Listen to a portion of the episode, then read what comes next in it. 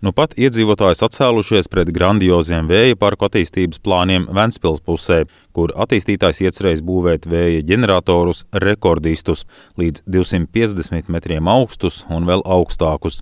Vietējai sabiedrībai tas licis sausīties, jo pat attālāk dzīvojošie tādus deviņu, deviņu stāvu māju augstumu gigantus redzēšot pa logiem. Iepriekš pēc iedzīvotāju sašutuma paušanas vēja parkiem nē pateikušas arī pašvaldības Dobelē un Tukumā.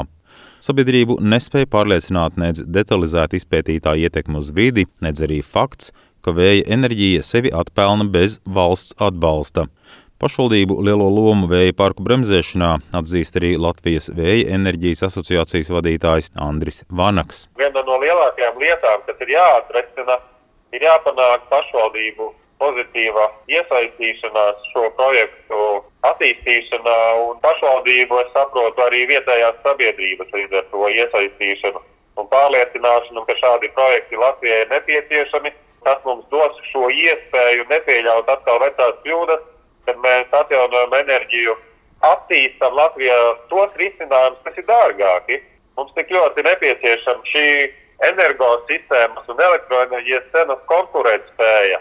Mūsu kaimiņu valstis ar vēja enerģijas izmantošanu tikušas daudz tālāk. Latvijā pat labāk ar nepilniem 80 megavatiem ir nemainīgi trešā mazākā vēja enerģijas jauda Eiropas Savienībā, taču Nacionālais enerģētikas un klimata plāns paredz, ka pēc astoņiem gadiem noķertais vējš radīs jau 800 megawatu jaudu. Lietuvā šī jauda jau tagad ir septiņas reizes lielāka bet Igaunija vēju izmanto četras reizes vairāk nekā mēs.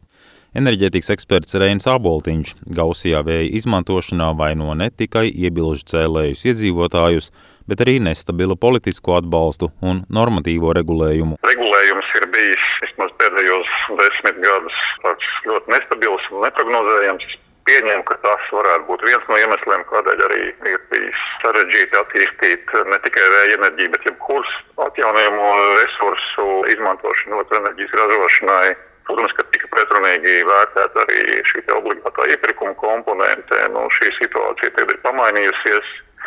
Bet uh, tas galvenais iemesls, kādēļ arī ar vēju būtu iespējams uh, iet uz priekšu un attīstīt vēja enerģiju, ir Ne tikai vien tāpēc, ka tā dara arī citi, turklāt tepat kaimiņos, tas vienkārši ir labs piemērs, bet arī tādēļ, ka vēja enerģija līdz ar saules tā saucamo fotovoltisko elektroenerģiju, saules paneļiem tā saucamajiem, ir divas tehnoloģijas ar zemākajām tā saucamajām ielīdzinātajām ilgtermiņa elektroenerģijas izmaksām. Vēja enerģijas iegūs problēma Latvijā gan ir arī krietni izkliedētā apdzīvotība, jo maz ir teritorija, kur lielā apkaimē neatrastos pa kādai viensētai.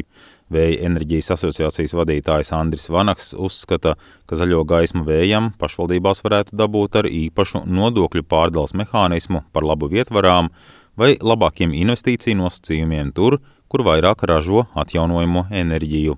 Savukārt no cilvēku iebildēm nozare grib tikt vaļā, vēja ģeneratorus liekot valsts mežos. Skatāmies virzienā uz valsts zemi, kuru var ilgtermiņā iznomāt vēja enerģijai.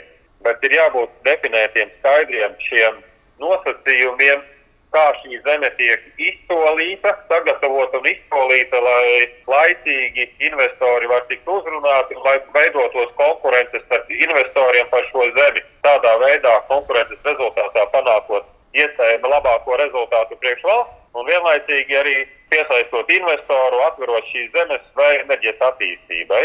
Nozares valodā runā arī ekonomikas ministrijas valsts sekretāra vietnieks enerģētikas jautājumos Edijs Šaicāns. Ministrija drīzumā plāno nākt klajā ar informatīvo ziņojumu par situāciju vēja enerģijas jomā, piedāvāt likuma uzlabojumus, lai pašvaldībām iedotu tās augto burkānu par vēja ģeneratoru akceptēšanu, kā arī parkiem piedāvāt valsts mežus. Valsts meži vispār publiskās personas zemes ir viens no variantiem, kurus mēs ministrijā izstrādājam šādu ziņojumu un e, vērtējumu risinājumus, kādā veidā atļaut valsts mežus vai citas publiskās teritorijas šādiem mērķiem. Bet, nu, droši vien tuvākā laikā mēs e, no savas puses ar kādu piedāvājumu arī nāksim uz valdību un piedāvāsim, kā to izdarīt. Bet, e, jā, tik tiešām valsts meži un teritorijas ir tāda teritorijas, kur potenciāli nākotnē varētu izvietot vēja parku.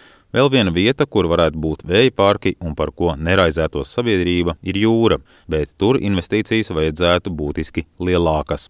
Par šiem jautājumiem pēc mēneša plānot arī Latvijas vēja enerģijas nozares konference. Edgars Kupčs, Latvijas radio.